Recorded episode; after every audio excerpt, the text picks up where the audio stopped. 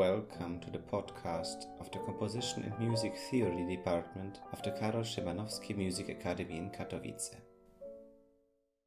Hello and welcome to, to Radio Szymanowski, the podcast of Academy of Music in Katowice. Today my guest uh, is uh, Helena Tulve, composer and a professor in Academy of Music in Estonia, National Academy of Music. And um, I'm very delighted that uh, you agreed to be my guest. Welcome. Mm, thank you for inviting me. It's my pleasure as well. Uh, first of all, I would like to ask you how how is to be a composer in Estonia? Would you would you describe your like normal life uh, as a composer? How it looks like?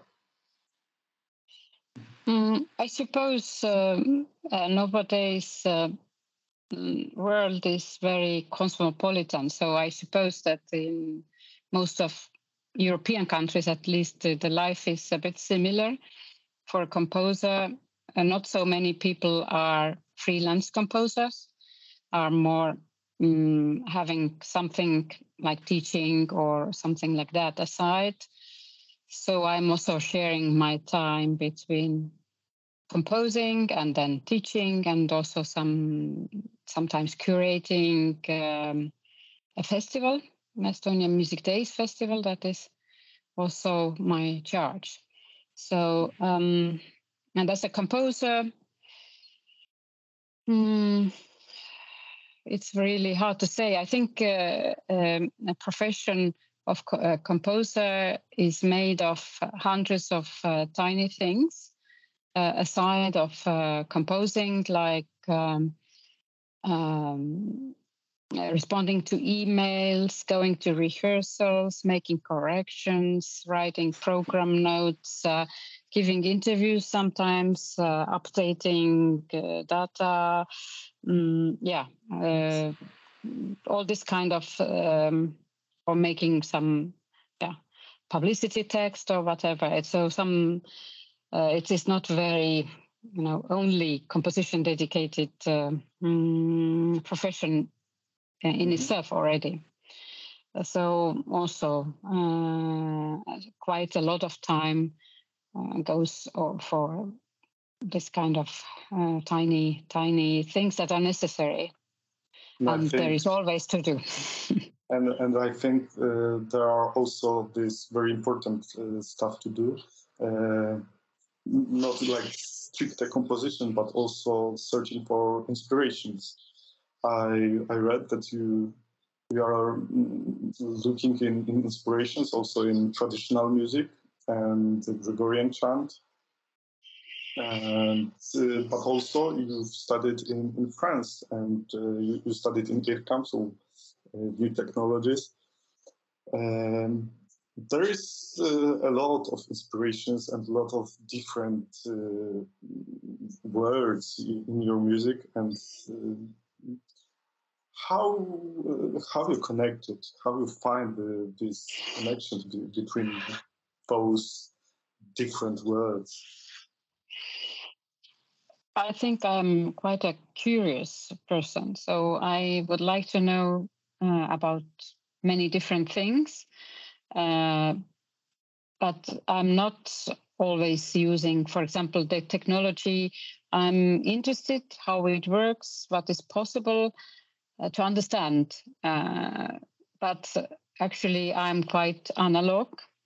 I'm still handwriting. Uh, uh, I, I like more to compose for acoustical instruments but I mean, I think it's important also to be aware what is what is existing, what is there for a composer or for a human being. Uh, so uh, finally, uh, it can be also an inspiration, but uh, but not directly. Maybe you are somehow making a kind of synthesis of all kind of different things. You read or you hear or you see um, or nature or or um, other music or art or literature Uh, so I have I have come to something that uh, I'm not looking directly for inspiration. I think I'm just looking um, at things at uh, at life that are that are interesting to me, and then they somehow find a place in also in my compositions. The the different details or different information come together, and then there is some kind of synthesis that is happening uh, in a, in a person's in a person's or creative person's um, inner uh, inner space let's say mm-hmm. um, yeah so so um, uh, I think what I'm interested in is more to see the patterns or the kind of principles that are um, guiding or or driving uh, things around us and then um, trying to express also my feelings uh, my kind of deeper feeling for those things mm-hmm. um, a lot of your compositions share uh, similar topics as I, as I saw and I, and I heard uh, you, you can even see it in your uh, names of compositions, titles, but a lot of them are uh, about uh, seeing something not very well, like uh, some some topics with shadows, or that something is disappearing. On the other hand, there is a lot of also titles connected with with silence, and uh, like uh, hearing and and, uh, and meditation. Um, I, am I right? Like these types of um, symbols are, I think they are important for you, aren't they? Yes, I think first that um, um, how to say uh, in this world, uh, in the physical world, everything has a shadow. So a shadow side also that uh, often we see that is normal. Also, we can see the things that are in light, but there are probably also things that we don't see, that we can only guess, and that is the part of the unknown. Uh, this is one thing, and then. Um, also often I connect seeing and hearing in my perception. Often I see the music more than I hear the music, or or I imagine the composition as um, not a purely visual, but as a space um, and a, a, light or darkness um, more than directly uh, um, a sound. Uh, there is a sound that is related to the space and to the light and to the um, darkness or luminosity or vision or or not seeing something, uh, being opaque or absorbing the light. Um, those things are quite in a way synesthetically connected for me. Um, uh, are you are you uh, are you a synesthetic? I mean, I think it, uh, every person is a synesthetic. Synesthete. If if we, I think we just don't notice. It's it's not only that I see the sound, uh, but I can also feel the shape of a taste or a smell, or the, the things are somehow connected. Uh, and uh, there is an Estonian writer who has written about it and saying that, that every child is a synesthete. Uh, that uh, we maybe lose this uh, that because we cannot express it and we cannot um, care for this uh, capacity we have. Mm, and it's difficult to share because it's a bit different for every person. It's not, there is no universal one way understandable uh, way of uh, of being a synesthete or or being a synesthete, having this um, uh, connectedness of different perceptions. But probably most people actually do have it. Uh, mm-hmm. I don't think that I am more a synesthete than than than everybody else around me, but I notice that uh, it is somehow connected in my inner space, in my inner uh, in my inner feeling. Mm. That I can, um, we we have this kind of automatic things also that that the taste has higher frequencies or or it's a bit lame or plain in a upper uh, upper kind of spectrum of of taste or perfume. That there are those kind of things that um, or we think it's um, the high and the low are related. Those are also kind of um, actually not so obviously um, but we take it as obvious uh, things. Mm-hmm. uh, i think that what you what you mean is also like that we have or you you are more aware of several things and uh, and uh, I, I really have to say that I appreciate your your comment uh, about briefing of the water, uh, piece of yours. Uh, our our listeners can uh, listen to it on YouTube. I will provide link for you. And there is really really nice description of it. And uh, the main passage which took my uh, my attention was that uh, things sound different when you when you are close by. And there is this uh, hard to describe but you, you put it in words very well that uh, they don't have like this they are they are not more in the center of our attention, but this, uh, but, but the world around them uh, starts to, to look and sound different. This is very, very touching for me, and to be aware of, of this um, whole world of sounds, which might be too tiny for for us in a, an everyday life uh, to to grab our attention. I think uh, you you are aware of that and you, you try to do it in your music. Am I right? uh, it is always a, a, difficult thing to compare uh, the perception. We don't have any um, uh, means uh, how how can I know what another person is perceiving it if it's similar to mine?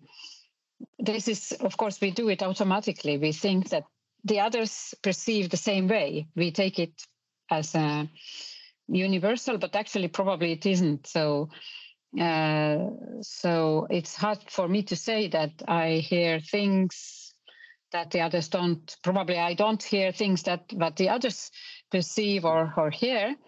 But I think uh, yeah, it is um, it is interesting to me to mm, to see the different layers. Uh, of of distance and how the different sounds are connected and uh, uh, to to to be connected to the sounds and to be connected to the world and to see the connectedness in in between things that we not always think are connected. But uh, when we are already listening to them we already by our listening we connect things in our consciousness. We i hear one sound and then I hear the other sound. And through my listening process, to my attention, those things become connected somehow. There is some kind of link that is created by our mm, consciousness and our focus, and the way that we notice that that those things are somehow resonate together or one after the other or we make the connection we create those connections. I think it's like how our brain works that we connect um, there are connections that are created.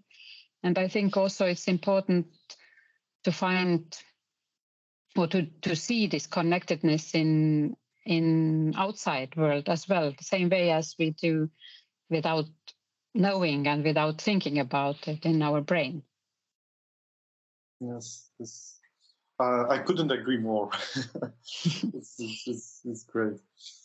Um, I would like to to go back a little bit, uh, and you, said that you are an analog person, uh, but there are these uh, spectral uh, influences in your music which which are, are quite obvious. Um, I, I, actually would like to ask about two things. One is like, are you uh, using these spectral techniques uh, without technology, only by analog thing? That's that's the first one, and the second is that um, for me it's also obvious that uh, thinking about like in spectral way is is just the beginning, and there is a lot of beneath uh, this uh, this approach. And I would like to, to, maybe ask you about this. What's what's your goal? Let's say what's, what's your direction uh, in using those kind of uh, this kind of approach? Mm, yeah, uh, I definitely.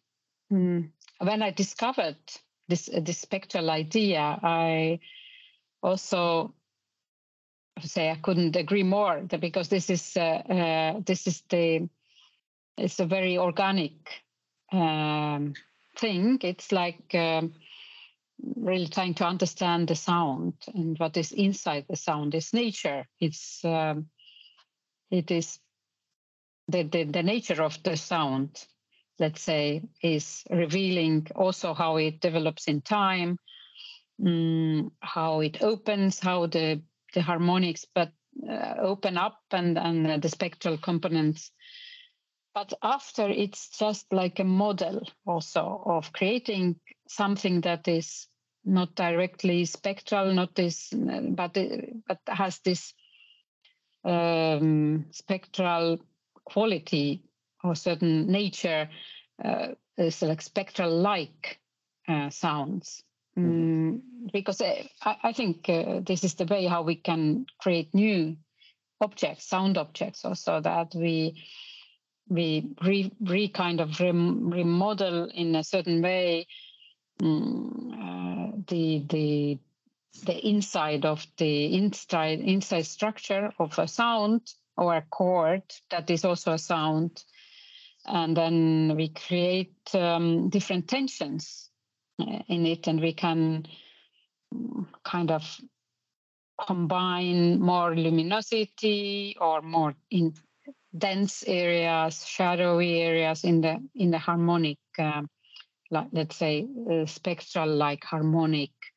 And you can also um, inverse and to create um, opposite uh, uh, structures which are not uh, like normal spectrum that has more as more um, space between uh, frequencies in a lower register and is very intense in a higher register. We can do the inverse. It's just like a like a model, but I am not really using any analytical tool. I do it mm, quite. Um, by the ear and the intuition because um, yeah it is more um, kind of um,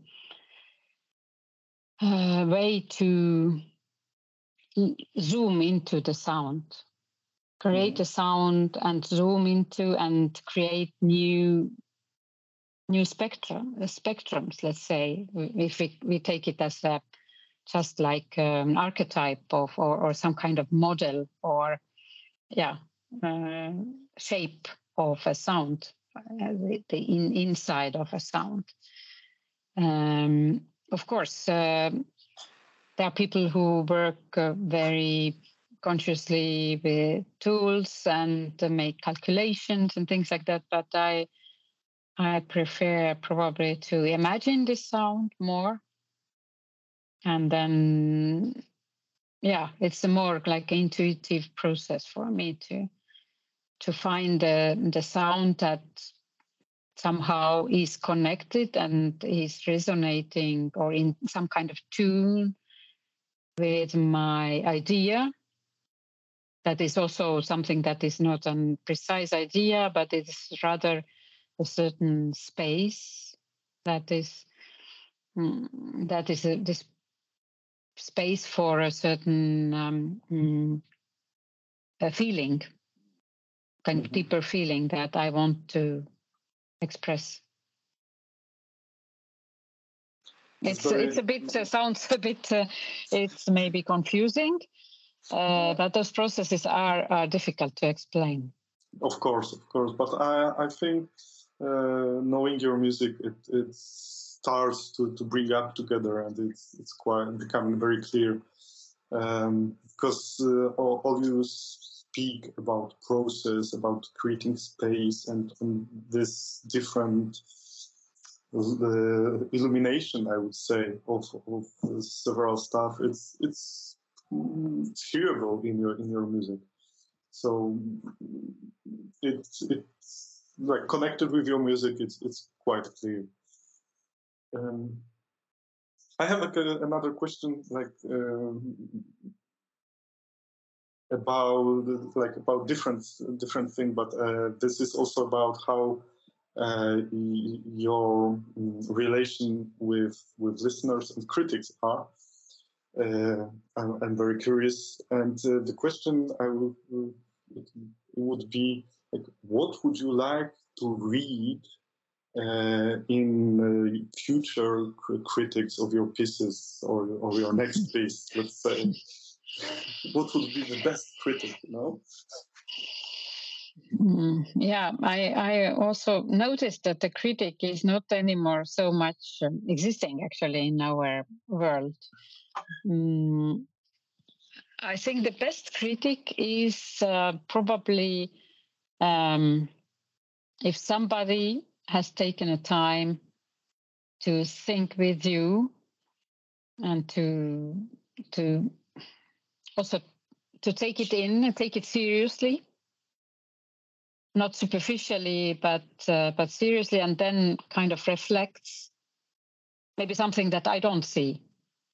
That's something that also is useful to me uh, to take in and think about and go on uh, i think the best critic would be yeah a person who uh, who um, takes uh, what is criticizing seriously not uh, like from a higher position, but just looks at the front of of this object that is criticizing and or or talking about, and then yeah, reflecting something um, personal, the way that I could maybe get a little um, tiny thing, a different perspective on a thing that I could Mm. Yeah, mm. that I could um, use to see myself also the thing a bit differently and to go on. But it happens very rarely, actually. But it has mm. happened uh, during my life that there is my, it can be just one sentence, but it, it can see help you see what you do because uh, a composer is not a um, judging person. He's he's inside a, a, a kind of um, uh, substance and is distilling something out of this substance, substance and is not knowing what comes out it is the point of the the the, the profession or this work i for me at least that I don't know what is coming out. I'm just processing something. I'm distilling uh, with my experience and capacity something that uh, resonates with me from all the possibilities, all the field of of um, that is available, um, and then there is somebody else that sees the object or the, the work or the uh, piece of music and then um, somehow can see what you have done and reflect to you. Mm-hmm. Not to say that it was um, beautiful or, or not beautiful or it was a total disaster. It can happen also, but helps to go deeper but it's uh, it's quite rare. I, I, I say I'm a kind of idealistic. uh, uh, and do you feel as a composer more like an explorer or more like an inventor? Do, do uh, I think I'm more like an explorer type. Mm-hmm. Um, I don't think that I'm inventing. It's inventing part is not um, in focus in this sense that I think uh, everything is there. Mm-hmm. So um, I have to discover. Sure. For me, it was quite obvious because you, you've already told about like these connections. So you are like searching for connections and not creating points. You know, like that, that, was that was uh, what I expected, but but it was also very important for me to, to hear it. Um, I think the world is very rich already, and um, by exploring, it may happen that we invent something. It mm-hmm. is, it can happen. It is not uh, totally like uh, mm, saying no to every kind of invention, but it's not a purpose. It's not a goal mm. to invent and to be an inventor, but because there are people who are of this type uh, and who invent things and things that don't exist, and and it's very necessary the spirit of invention also. Uh, but in the art, maybe the invention is not so much in the focus than in science or or or also practical things sometimes. Yes. Thank you very much for this this conversation. Uh, we heard a lot of very interesting things, and uh, maybe for just uh, closing, uh, could you tell us what you are like composing right now and what would be your next piece to, to, to hear? Mm, I have had a, a pause because I had uh, two big uh, works uh, that have taken two years of my life. And then um, I needed time to digest things.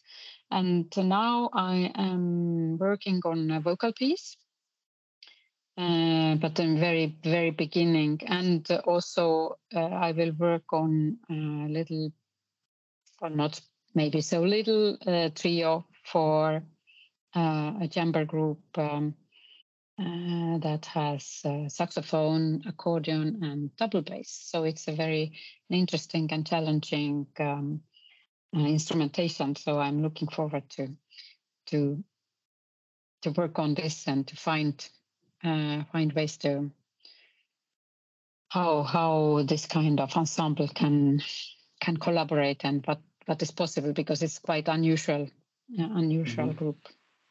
It is. Thank you one more time. Uh, Helena Tulve was my guest, and uh, hope to hear your new pieces soon. Thank you.